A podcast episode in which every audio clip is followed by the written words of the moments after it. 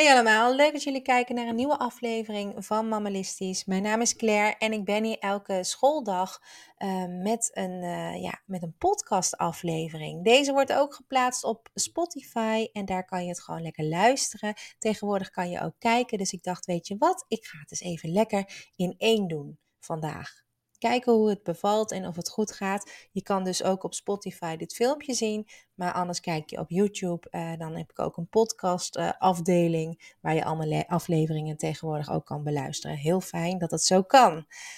Deze week uh, ben ik bezig met ehm, het huishouden eigenlijk. Hè? Het creëren van een goede basis hoort daarbij. En dat is wat ik vandaag met jou wil bespreken. Je hebt al heel veel tips gehad over opruimen, al heel veel over schoonmaken, hoe je dat het beste kan uh, organiseren in je huis, zodat je meer tijd krijgt voor jezelf.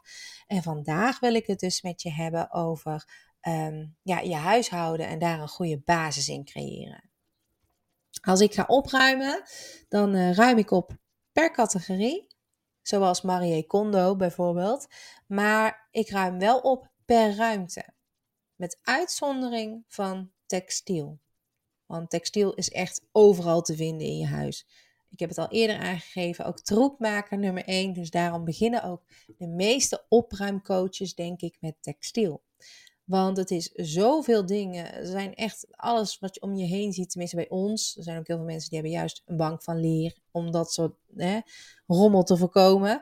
Uh, maar uh, bij ons liggen er heel veel tekentjes en kussentjes en dus ook de bank van textiel.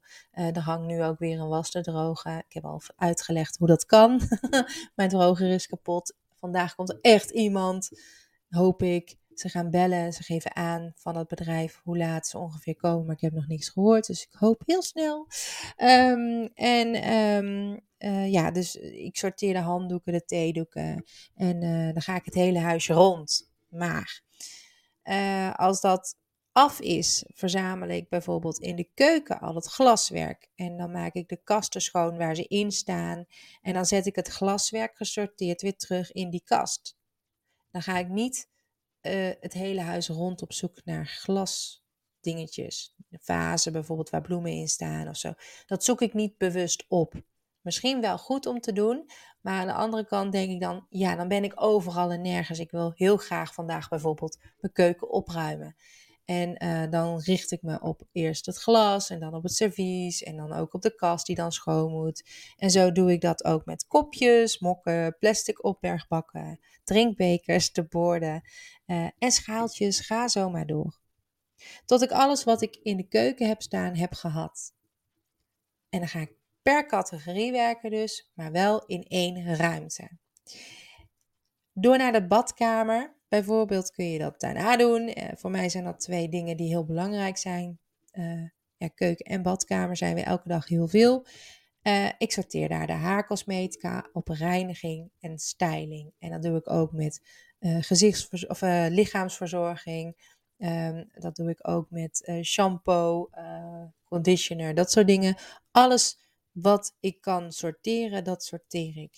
En um, ja, dan kan je dus al die spullen ook heel gemakkelijk uitzoeken. Wat heb ik nog nodig? Wat kan weg? Uh, wat moet ik opnieuw gaan halen? Maak daar ook gewoon meteen een lijstje van, bijvoorbeeld. Uh, maar er zijn ook heel veel spullen die je niet meer gebruikt. Of spullen die gewoon leeg terug zijn gezet. Of kapot zijn. Wat je het beste dus ook kan doen als je gaat opruimen, is zorgen voor een krat waar je spullen in kan zetten die je kan doneren. En er zijn heel veel mensen uh, blij met uh, spullen die jij niet meer wil. Uh, en in een zak kan je alles doen wat weg kan. En als je iemand bent die veel twijfelt over dingen die je tegenkomt, dan uh, kan je um, ja, eigenlijk nog een twijfelkrat gebruiken.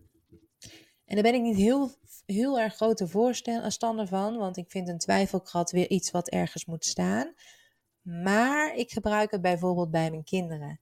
Tenminste, de oudste die uh, mag het zelf lekker uh, opruimen en uitzoeken en die vindt dat ook niet zo moeilijk. Maar de jongste vindt het nog heel erg moeilijk om bepaalde spulletjes weg te doen.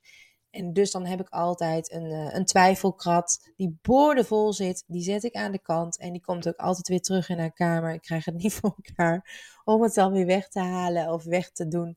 Het is ook niet dat ze het vergeet. Dus twijfelt met een reden, zullen we dan maar zeggen. En het mooie aan het twijfelkrat is dat je dan ook even um, dat weg kan zetten. Op die manier dus ook weer plaats kan maken in een slaapkamer.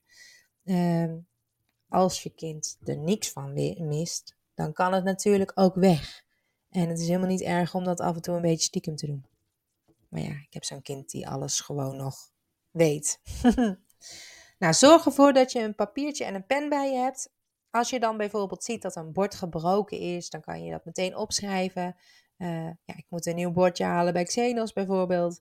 Maar ook als je tijdens het opruimen van de kledingkast ziet dat de oudste nog maar één echt fijne broek heeft. Dat heb ik serieus gehad. Ze had gewoon, ze heeft hele leuke broeken, vooral zomerbroeken. En uh, had ik niet helemaal door dat het een beetje dunnere stof was. Dus die moest nieuwe broeken hebben. En die had nog maar echt één spijkerbroek. Dus daar moest een nieuwe broek bij.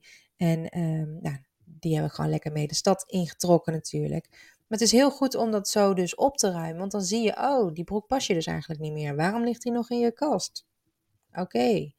Nou ja, als je kinderen groter zijn, dan uh, ga je dat uh, soort dingen tegenkomen. Um, maar ook met kleinere kinderen natuurlijk, want elk seizoen groeien ze uit hun kleren. Nou, geef tijdens het opruimen je spullen een vaste plek. Heel belangrijk. Ik heb daar nooit echt bij stilgestaan tot ik Marie Kondo uh, begon te volgen. Toen dacht ik, ja, het is wel echt heel erg belangrijk om inderdaad een vaste plek te hebben in huis. Hoewel um, dat heb je eigenlijk wel. Hè? Je legt de schaar altijd in de keukenla bijvoorbeeld. Of uh, uh, de batterijen in de linkerla. En ook de batterijen die op zijn, die er misschien wel bij liggen. Dat is dus ook weer zo'n ding. En daarom denk ik nu bij het opruimen heel bewust en veel beter na over waar leg ik dit eigenlijk neer. En dat is ook weer een voordeel van categoriseren in je huis. Je hoeft er niet zoveel meer over te na te denken. Want je weet, oh, het glas staat allemaal daar, dus daar moet een glas staan. En niet tussen de borden, wat wel eens voorheen gebeurde.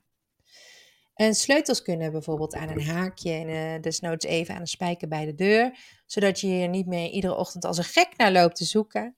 Schoenen bij schoenen. Bij ons staan alle schoenen bij de deur.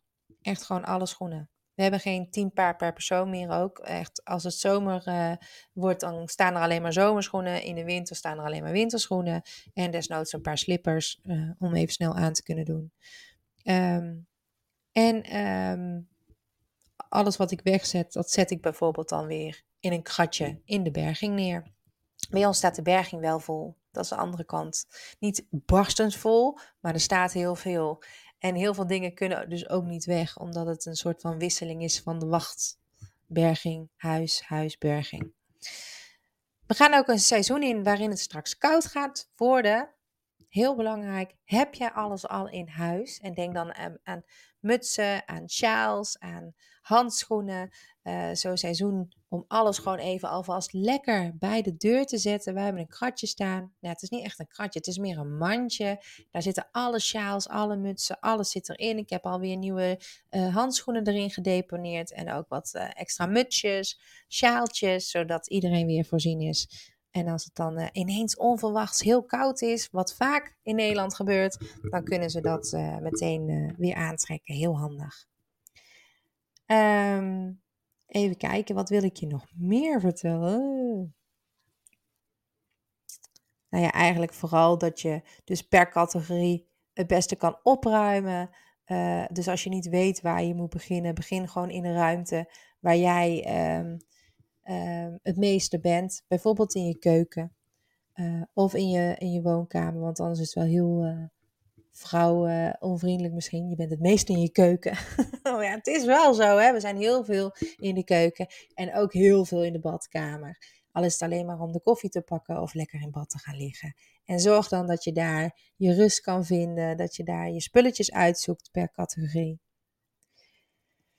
En uh, als je dus zo'n grote opruiming gaat organiseren, is het bij ons altijd, tenminste bij mij, is het altijd dan een probleem van oké, okay, kan deze kast nou wel wegdoen, want hij is kapot en ik vind hem niet leuk meer en hij staat in de weg. Maar waar moet hij dan heen? En daarom is het heel erg belangrijk om van tevoren even goed na te denken dat als je groots gaat opruimen, dat je ook een plek hebt waar je alle spullen naartoe kan brengen. Uh, het liefst ook meteen en anders met iemand afspreekt die je daarbij kan helpen. Dat je spullen dus netjes worden weggebracht, zodat jij uh, ja, gewoon weer wat ruimte hebt in je huis, maar niet dat het ergens anders staat ineens, waardoor je het aan het schuiven bent. Niet de bedoeling, gaan we ook niet doen. Dus uh, zorg ervoor dat je kan beginnen met een opgeruimd huisje, een schone lei. lekker beginnen met het opruimen van al die spullen die jullie niet meer nodig hebben, die misschien alleen maar nodig zijn in de zomerperiode. Het wordt kouder. Er is alweer uh, van alles uh, qua regen buiten. Blah, koud, vochtig. Het is aan het beginnen, mensen, denk ik. Morgen ben ik er weer. Dan hebben we het over, uh, over wandelen. Ja, dan gaan we lekker wandelen. Elke vrijdag gaan we een half uur naar buiten. En ik hoop dat je dan lekker met me meewandelt. En dan gaan we natuurlijk afsluitend praten over uh, je huishouden, over het opruimen. En misschien heb ik nog wel wat extra tipjes of feitjes. Ik zal eens kijken wat ik voor je kan vinden. Fijne dag vandaag en tot morgen. Doeg!